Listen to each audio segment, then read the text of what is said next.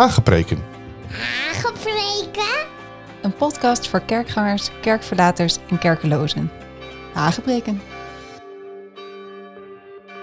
In een onzekere wereld waarin veranderingen elkaar versneld opvolgen en ons samenkomen, zingen en beleven steeds vaker onder druk komt, is een bijbelse koers houden een must en een kompas. Tuurlijk, het is jouw leven, het is jouw schip, maar de beste stuurlui, die hebben een loods.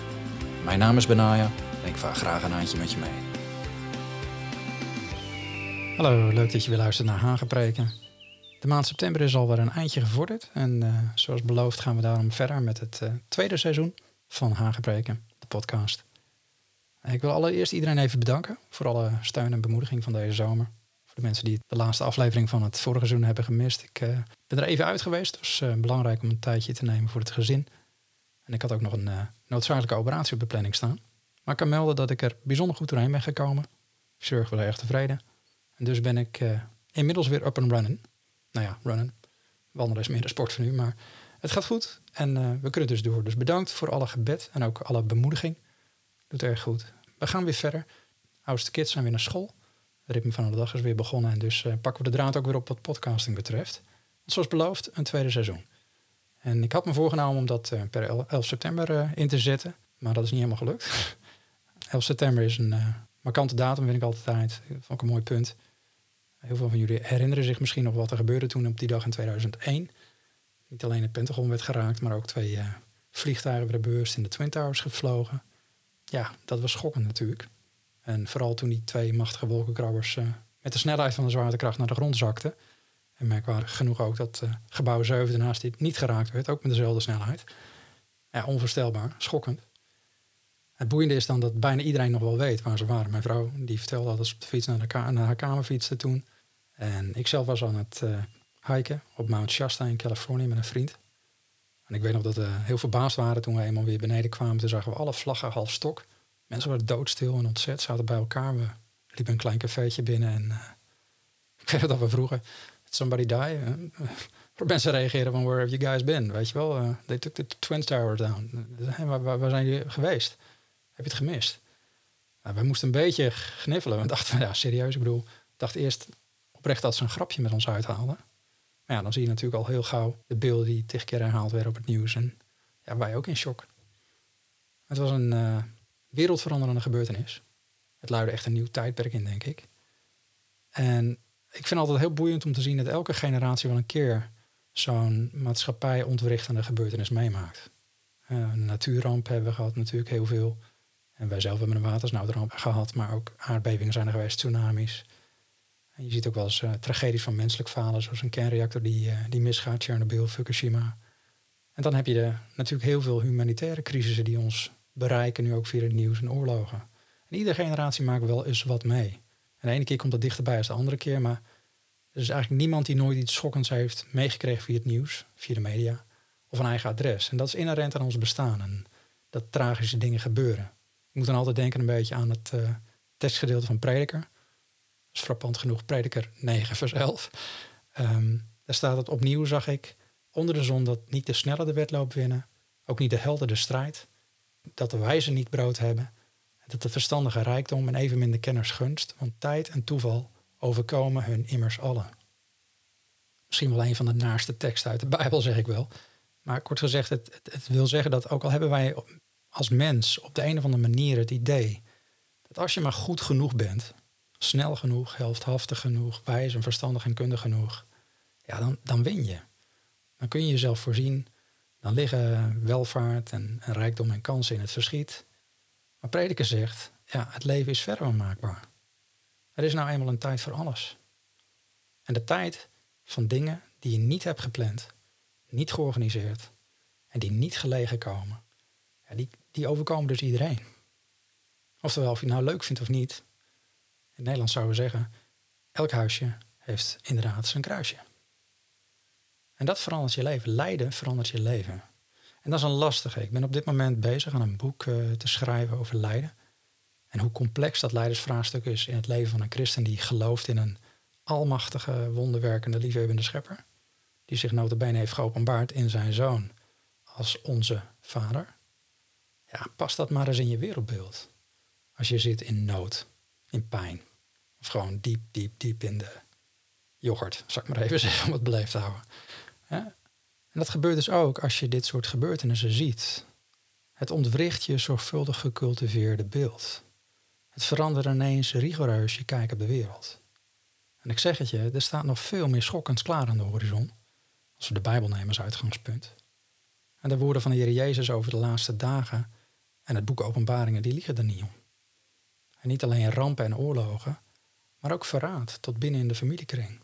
Manipulatie, marteling, dood. Er komt ook nog een wereldwijde misleiding. Staat allemaal op het menu. En nu was 11 september nog enigszins ver van mijn bed. Hoewel ik wel in Amerika was in die tijd, maar sindsdien is er natuurlijk nog veel meer gebeurd. Niet alleen bijvoorbeeld vlucht MH17, hè, waar, wat was het, 298 mensen omkwamen. Maar ik hoef maar één woord te noemen en iedereen weet wat ik bedoel. Zelfs mijn kinderen kunnen tegenwoordig dat woord niet meer horen. Corona. Zo dichtbij is alles gekomen in onze tijd. Ieder huishouden werd en wordt geraakt. Het zijn met het virus, het zijn met de beperkingen of de gevolgen van de beperkingen voor je schoolgang, je onderneming of je baan, baanbehoud. En om eerlijk te zeggen, tegenwoordig hoor ik in mijn omgeving ook steeds vaker de levensveranderende bijwerkingen of dood die vaccins teweeg brengen. Waar vaak niet over gepraat wordt. En net als iedereen baal ik van het hele COVID-gebeuren. We kiezen hier niet voor, niemand niet. Je gevoel van veiligheid, het voorspelbare van het leven dat je dacht te kennen, het lijkt ineens allemaal te verdampen. En ik baal misschien nu nog wel het meeste van mijn kids, omdat ze hun kinderlijke onschuld te snel verliezen door dit soort heftige dingen. Ja, als ouders had je zo graag zo eh, een andere start meegegeven, het mooie van het leven willen laten zien. En de kans die het leven biedt, het leuke, de opwindende dingen die je kan doen. Het dreigt allemaal ondergesneeuwd te worden door een allesbepalende, dominant aanwezig fenomeen, wat naar mijn bescheiden mening een veel te grote plek heeft gekregen in hun leventjes. En als vader vind ik dat jammer. Maar daar doe je niks aan. En natuurlijk weet je ergens wel dat dit soort dingen zitten aan te komen. Dat, dat is gewoon zo. En bijvoorbeeld Lucas 21 is een van de vele passages die hierover gaat. En daar laat de Heer Jezus weten dat er oorlogen zullen komen, aardbevingen en hongersnoden en inderdaad besmettelijke ziekten. Maar het ergste van dit alles vind ik dan weer dat onze lieve Heer ons zegt, deze dingen moeten gebeuren. En als een elk normaal mens vraag ik me dan ook af, ja waarom moet dit gebeuren? Kan het niet anders? Ik heb dan ook vaak geworsteld met een tekst waarin de Heer Jezus zei, dat lees in Johannes 16, deze dingen heb ik tot u gesproken, opdat u mij vrede zult hebben. In de wereld zult u verdrukking hebben. Maar heb goede moed, ik heb de wereld overwonnen. En dan dacht ik altijd, ja leuk, u hebt de wereld overwonnen. Maar dan moet ik nog zien hoe ik vredig door de verdrukking van deze wereld kom. Goed. Waarom dit uh, 9-1-1 voorzetje naar het tweede seizoen van de Hagenpreken? Ik wil het met jullie hebben in het nieuwe seizoen over geestelijk groei naar het beeld van Christus. En binnen onze geestelijke groei spelen de dingen die ons overkomen in het leven, in deze wereld, een cruciale rol. In het vorige seizoen hebben we uitgebreid gekeken naar het leren verstaan van Gods stem. Maar juist wanneer ons dingen overkomen in dit leven die een enorme impact hebben, vanwege de heftigheid of, of de oneerlijkheid of misschien haast ondraaglijkheid van moeilijkheden of lijden, dan kan je gebedsfocus veranderen. Dan kan het nog wel eens klinken als Heer, get me out of here. Haal dit bij me weg. Dit kan niet goed zijn, dus snel, doe iets. Dat is natuurlijk logisch. We zijn mensen en laten we wel wezen, wat ons betreft is dat ook erg gewenst. Maar toch, de nuchtere werkelijkheid, zoals de Heer Jezus ons schetst, wat we net al noemden, is in de wereld zult u verdrukking hebben. Het is dus iets waar we niet aan kunnen ontkomen. We zijn niet langer in de Hof van Eden. De wereld die maakbaar voor ons was gemaakt, waar wij over konden heersen en die wij naar ons inzicht konden onderwerpen, wat we lezen Genesis 1, ja, die is er niet meer. Die is veranderd. Romeinen 8, vers 19 tot 22 vertelt ons: Met rijkhalsend verlangen verwacht de schepping het openbaar worden van de kinderen van God. Want de schepping is aan zinloosheid onderworpen, niet vrijwillig, maar door Hem die haar daaraan onderworpen heeft. In de hoop dat ook de schepping zelf bevrijd zal worden van de slavernij van het verderf, om te komen tot de vrijheid van de heerlijkheid van de kinderen van God. Want wij weten dat heel de schepping gezamenlijk zucht en gezamenlijk in baresnood verkeert tot nu toe. Oftewel, onze wereld is momenteel onvrijwillig onderworpen aan iemand anders. En dat is een vrede wereldbeheerser, een dictator, een tiran, die Jezus de vorst van deze wereld noemt. De schepping was van origine bedoeld om vanuit Gods vaderhart te worden geregeerd door zijn zonen. En snakt dan ook naar bevrijding van het juk waaronder ze gebukt gaat. Slavernij van het verderf noemt deze tekst dat. En Gods doel is om zijn zonen te openbaren. Geen jongetjes, zonen. Het woord wat daar gebruikt wordt is schios. Dat betekent volwassen zonen, geen baby's of kinderen. waarom? Omdat van origine de schepping overgedragen was aan Adam. En Adam was een volwassen persoon. Alleen volwassen personen kunnen regeren en heersen met beleid en barmhartigheid. Alleen volwassenen kunnen geheel onbaatzuchtig zichzelf besluiten weg te cijferen voor een ander. Een kind daar tegenover zal allereerst aan zichzelf denken. En primair verzanden in de dingen die hij of zij zelf wil doen. Of, of, of zelf wil hebben. En je ziet dan ook, ik zit in mijn kinderen. Dan denk ik altijd, ja, kinderen zijn onschuldig, zeggen ze dan. Ik zie een behoorlijke mate van egoïsme al heel klein ontstaan in kinderen. En dat, hoort ook bij een kind. De wereld draait om hun. Volwassenen staan er anders in. Daarom kan elke christen met overtuiging de vraag beantwoorden. Als er staat, wat is er eerder? De kip of het ei? Dat is vaak zo'n vraag die quasi in ons land gesteld wordt alsof we het antwoord missen. Maar een christen die zijn Bijbel en de blauwdruk van de schepper kent, weet dat hij begon met volgroeide schepselen. Antwoord is de kip. Ja. Hij droeg vogels op om boven de aarde te vliegen. Lees je in Genesis 1. Nou, kuikens vliegen niet als ze net het ei komen. Alleen volgroeide vogels kunnen dit. De opdracht die de mens kreeg, namelijk om vruchtbaar en talrijk te worden, om zich te vermenigvuldigen, werd ook aan vogels en alle andere levende wezens gegeven. En alleen volwassen dieren kunnen zich vermenigvuldigen. Dat geldt ook voor volwassen mensen. Maar het zijn ook alleen volwassen mensen die heerschappij kan worden toevertrouwd. En verantwoordelijkheid kan nemen en ook verantwoordelijk gehouden kunnen worden voor de bewuste keuzes die ze maken. Nou, waarom zeg ik dat? Omdat er heel veel christenen zijn die twijfelen aan de eerlijkheid van God in het kader van de ellende die we meemaken in deze wereld. Door te stellen dat het ergens onvoorstelbaar is dat God de boom van kennis van goed en kwaad in de hof van Ede plaatste. Hij is toch alwetend. Hij wist toch dat de mensen in de fout zou kunnen gaan, zeggen ze dan. Waarom, waarom dan überhaupt zo'n gevaarlijk gewas neerzetten? Nou, zelf vergelijk ik dat altijd met een, nou, noem het maar bijvoorbeeld een tuinarchitect. Die een hele tuin aflevert. helemaal pepper de flap, helemaal mooi. En hij geeft dan instructies over hoe je alles moet onderhouden. Vertelt ook nog dat er voor het nodige snoeiwerk een kettingzaag in de scheur ligt. En vertelt hoe ze daarmee om moeten gaan. En vertrekt.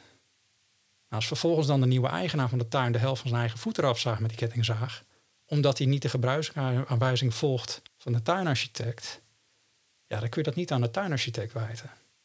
Geen mens zal dan zeggen, wat een onverantwoordelijke tuinarchitect. Als hij toch wist dat het zo gruwelijk mis kon gaan, dan leg je toch sowieso geen kettingzaag in de schuur. En waarom zegt niemand dat? Omdat de nieuwe eigenaar een volwassen man is. Of vrouw. Geen kind. Hij had beter moeten luisteren. Hij had beter moeten weten. En zo ook met ons. God begon met volwassen mensen, niet met kinderen. En hij gaat zijn werk afmaken met volwassen mensen. Vandaar dat ik dit onderwerp kies voor het nieuwe seizoen. En we kunnen de tijd niet meer terugdraaien. De Hof van Heden is een mijnenveld van verval en verleiding, verdriet en verlies. En, maar God wil ons voorbereiden. Hij wil ons voorbereiden om weerbaar te worden in deze wereld. Hij wil dingen in ons bouwen, dwars de moeilijkheden heen, zodat we stabiel blijven staan. En ons geloof niet verliezen. En vooral dat we daadkrachtig worden om anderen te versterken. Als volwassen zonen en dochters van God. Anders gezegd, hij wil ons klaarmaken om net zoals onze Heer de wereld te overwinnen. Zoals hij dat deed. En dat vraagt om een diep gegrondvest geloof, een getest karakter en een volwassen blik op de werkelijkheid waar we in zitten. En die is niet zo mooi. Juist omdat er nog heel veel op de agenda staat wat betreft wat over de wereld zal komen. En wat het laatste betreft, soms vind ik dat wel eens jammer dat hier binnen de kerk niet meer aandacht aan wordt besteed. Want we leven in een tijd waar zelfs niet-christenen de kriebels van krijgen. En een unheimisch gevoel. Ik heb, ik heb heel veel niet-christenen, vrienden en bekenden, mede-hondeneigenaren, die ja, in de afgelopen anderhalf jaar het woord apocalyptisch, of zelfs het einde van de tijden, in de mond namen. Ja, dat vind ik opvallend. Vooral omdat ik juist bij christenen zie je dat ze gewoon door lijken te gaan met hun leven, hun bedrijf en dingen. Alsof er geen aanleiding is om de spoedige terugkomst van de Heer Jezus te verwachten. En de, de, de wereldwijde gebeurtenissen zetten hun niets op scherp zoals dat bij heel veel niet-christenen wel gebeurt. Dat vind ik opvallend, dat is boeiend. Dat is misschien ook wel tekenend. Het vervult misschien wel eh, ja, de gelijkenis van de tien maagden die, uh, die uh, Jezus vertelde in het kader van de eindtijd. Die tien maagden sliepen allemaal, vlak voordat het geluid van de bruidegom doordrong. Misschien moeten we nog wakker worden met z'n allen. We zullen nog door een strijd gaan in deze wereld. En daarom is het goed dat we onze geestelijke groei onder de loep nemen. Juist omdat het in onze tijd steeds lastiger wordt om te onderscheiden wat waar is. De Bijbel moedigt ons aan om te komen tot de volheid van de wasdom van Christus. En een van de manieren om dat te doen is door, doordat God volwassen gelovigen gebruikt, door hen heen werkt en hen aanstelt om de rest te begeleiden en te onderwijzen om ook volwassen te worden. Zoals het in Efeze 4 staat. Dat is een tekstdeel waar heel veel over gesproken wordt, over bedieningen. Maar ik lees hem zo dat volwassen mensen onderwijzen anderen totdat, Efeze 4 vers 13, totdat wij allemaal komen tot de eenheid van het geloof, tot de kennis van de Zoon van God en tot een volwassen man. Tot de maat van de grootte van de volheid van Christus. Zodat we geen jonge kinderen meer zijn, heen en weer geslingerd door de golven, meegesleurd door elke wind van leer, of door bedrog van mensen op listige wijze tot dwaling te verleiden zijn, maar dat wij door ons in de liefde aan de waarheid te houden, in alles zouden toegroeien naar Hem, die het hoofd is, namelijk Christus. Groei in geloof werkt volmakend, werkt bevrijdend. En daarom, groei is geen optie, groei is noodzakelijk. We hebben de Heer Jezus aangenomen als redder en Heer. Nu is het zaak dat we hem navolgen tot op het punt dat we steeds meer op hem gaan lijken in denken en doen. En dat vereist groei. Groei naar volwassenheid. Ik kan hier nog een hoop over zeggen, maar vaak is er een crisis voor nodig in ons leven om ons wakker te schudden. Om onze focus op de dingen waar we heel erg mee bezig zijn in balans te trekken. En ons te doen inzien dat het niet de richting kan zijn van ons bestaan. Dat het niet altijd onze volle aandacht verdient. Want wij zijn gemaakt om naar het evenbeeld van Jezus Christus een focus te hebben op de ander. Zorg te dragen voor anderen om ons heen. Zoals een vader zich wegcijfert ten behoeve van zijn kinderen die hem nodig hebben. Ze hebben hem nodig om te zorgen dat ze kunnen opgroeien in rust. Dat zorgen uit de weg genomen worden, dat er voedsel op tafel staat en een veilige plek om te wonen. Aanmoediging en uitdagingen worden gecreëerd om te leren. Maar vooral ook aandacht en waardering kan worden gegeven. En kan worden gevoeld. Gewoon om wie je bent. Maar dat kunnen alleen volwassen gelovigen bieden. Vandaar leren groeien naar het beeld van Christus. Want Jezus belichaamde op het toppunt van zijn bestemming op aarde God de Vader. Hij kon zeggen, wie mij heeft gezien, heeft de Vader gezien. En dat is ook ons doel. We worden als Christus. Zodat wij de Vader kunnen openbaren aan anderen. Nou, gelukkig hebben we er tijd voor gekregen om op te groeien. Dus de volgende keer beginnen we bij het begin. we gaan kijken hoe we allemaal beginnen als nieuwe schepping. En hoe we worden geboren in Gods Koninkrijk. En wat elk groeistadium met zich meebrengt. Dus voor elk groeistadium is er wat te zeggen. Er zijn mogelijkheden, er zijn moeilijkheden, uitdagingen, leerpunten. Maar er zijn ook zegeningen. Geen enkel groeistadium is, is, is onbelangrijk. Het is niet zo van, oh, we moeten zo snel mogelijk volwassen worden, want daar gaat het om. Nee, elk stadium is nodig om te komen tot een volgend punt van groei. Je kunt geen stappen overslaan. Nou, hoeveel afleveringen dat zullen worden, ik zou het niet weten. De vorige keer dacht ik ook, we doen tien afleveringen over verstaan van Gods stem. Het zijn er veel meer geworden. We pakken hem gewoon beet en we kijken waar we uitkomen. En heb je vragen, heb je aanvullingen? Ja, surf dan even naar saintkenaan.com en dan uh, kun je die droppen. Nemen we die mee. Voor nu, blijf luisteren naar Gods stem. Daar blijven we van afhankelijk. Blijf koers houden. En volgende keer navigeren we verder in een nieuw en boeiend onderwerp.